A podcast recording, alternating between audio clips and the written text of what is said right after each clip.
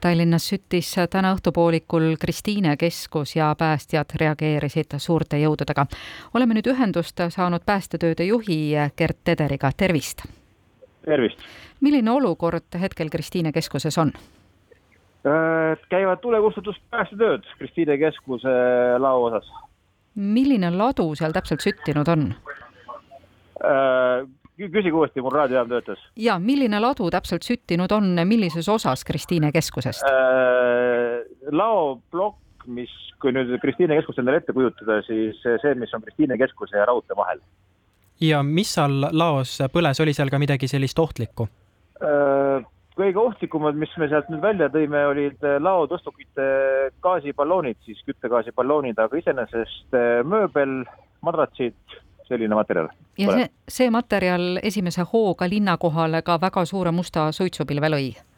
seesama materjal, jah kui kiiresti inimesed keskusest äh, välja saadi, siit omaenese kogemusest teades, et kui sireenid lähevad keskustes undama, inimesed väga tempokalt uste poole liikuma ei asu no evakuatsioon selles mõttes, et kiitus nüüd äh, objektile ja, ja ka turvameeskonnale, et, et äh, evakuatsioon läks küll väga-väga sujuvalt ja väga kiiresti, niimoodi, et põhimõtteliselt kui päästemeeskonnad esimesed kohale jõudsid, siis äh, hoone oli juba praktiliselt tühine, et, et, et aga muidugi, mis on, osa autosid jäid nüüd praegu parkinud majja.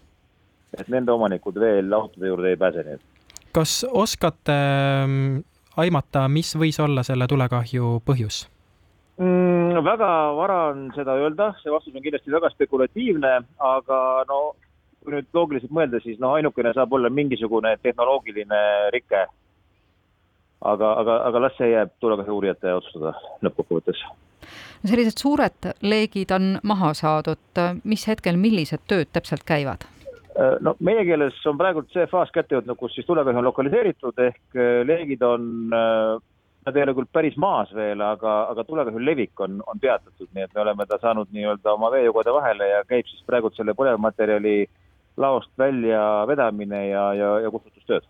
kui kui kiuslikud on need vaheseinad ja, ja erinevad ühendused, need tuleb ilmselt avada, et kõik kolded kätte saada? Seintega on siin natuke lihtne selles mõttes, et siin on ikkagi see, see hoone osa on nagu tuletõkke sektsioon ja ta on, ta on kivist, nii et, et pigem meie see põhimure on just see, see laos olev materjal.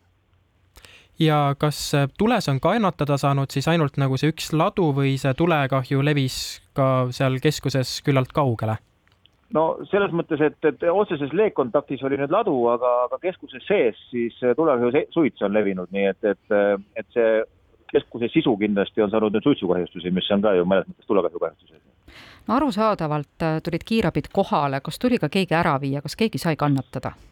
Äh, ei saanud, äh, alguses oli meil informatsioon, et kaks töötajat on kadunud, aga nendega me oleme saanud nüüd kontakti, inimesed on elus terved alles, nii et, et, et selles mõttes õnneks inimvigastusi ega, ega hukkunuid ei ole. on teil mingi hinnang, kui kaua teil võib seal aega minna? Noh, ma arvan niimoodi, et, et selline umbes kaks tundi on veel maja ümber vilkureid näha. selge, ja nii kaua tasuks ka enda ventilatsioon ja aknad lähedal elavatel inimestel kinni hoida mm,?